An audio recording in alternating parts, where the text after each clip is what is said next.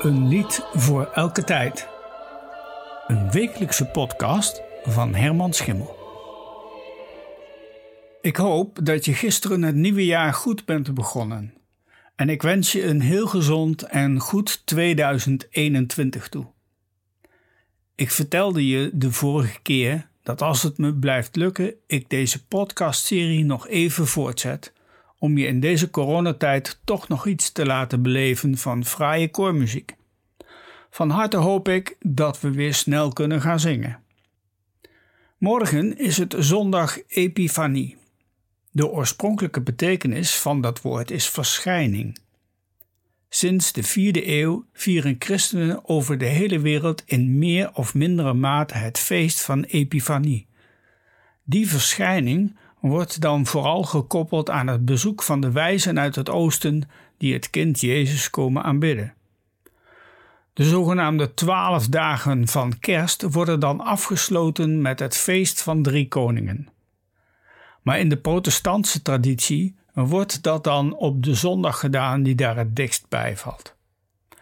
En bij verschijning denk ik dan aan de ster die aan de wijze verscheen en aan het prachtige lied dat Philip Nicolai schreef aan het eind van de 16e eeuw.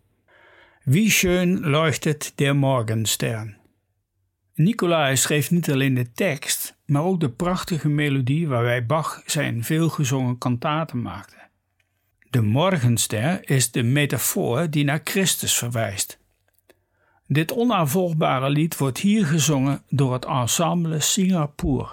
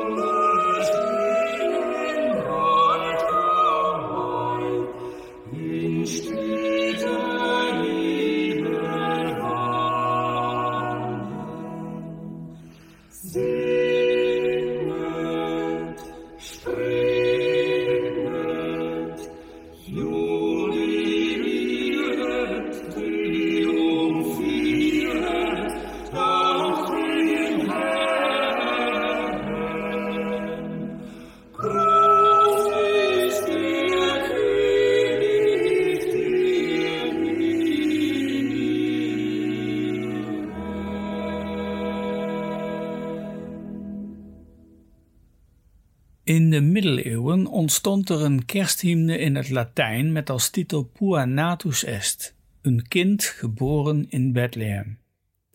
In de Lutherse traditie is dit lied omarmd en door veel componisten getoonzet, waaronder natuurlijk Bach, die het gebruikte in zijn kantaten Zie weer de nou Saba komen.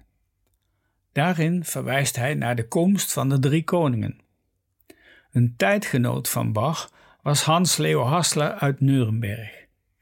Hij heeft een aantal zeer bekende liederen aan ons nagelaten, waaronder Austie van Noot en de basis voor de melodie van O Haupt voor Bloed und Wunden. Voor het lied Puanatus est of Ein Kind geboren in Bethlehem schreef hij de volgende zetting die hier wordt uitgevoerd door het Penalosa Ensemble onder leiding van Susan Eitrich. Thank you.